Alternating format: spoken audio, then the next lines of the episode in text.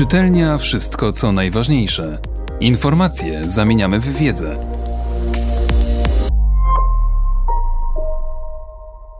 Tatsuo Shirahama Przyniósł Japonii prawdziwy pokój. Jan Paweł II przeszedł do historii, kiedy w lutym 1981 roku jako pierwszy papież odwiedził Japonię, kraj niechrześcijański, ale z ważną, choć ukrytą historią chrześcijaństwa. To było małe, ale entuzjastyczne powitanie 16 lutego 1981 roku. Podobnie jak w przypadku wizyt apostolskich do innych krajów, Ojciec Święty napełnił radością serca Japończyków łaskawymi, zachwycającymi słowami. Podczas tej pielgrzymki Jan Paweł II udał się do Hiroshimy i Nagasaki, miast, na które w 1945 roku zrzucono bomby atomowe.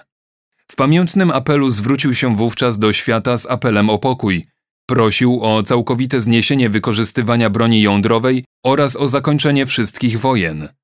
To były niezwykle mocne słowa, prośba o pokój na świecie. Papież prosił o pokój i tak został zapamiętany w Japonii jako pielgrzym pokoju. Tłumaczył, że wojna jest zniszczeniem ludzkiego życia, jest śmiercią. Mówił do zgromadzonych płynnie po japońsku Senso wa ningen no shiwazades. Wojna jest dziełem człowieka. Zachwycił tymi słowami lokalny kościół, zachwycił wielu ludzi w Japonii, także niewierzących. Wypowiadając je, zachęcił japońskich katolików, którzy przeżyli bombardowania Hiroshimy i Nagasaki, do mówienia o tym, co ich spotkało. Do czasu wizyty Jana Pawła II katolicy w Japonii byli skłonni pogodzić się z historią bombardowania atomowego jako przejawu Bożej woli. Ocalałym było bardzo trudno, zwłaszcza kiedy próbowali wrócić do normalnego życia i poradzić sobie z ogromną liczbą zgonów. Byli przecież tacy, którzy sugerowali nawet, że bomba atomowa była karą japońskich bogów w pogańskim, katolickim regionie Nagasaki. Apel Jana Pawła II o pokój stał się remedium, które leczyło głębokie rany po wojnie i zdecydowanie zmieniło japońskie nastroje.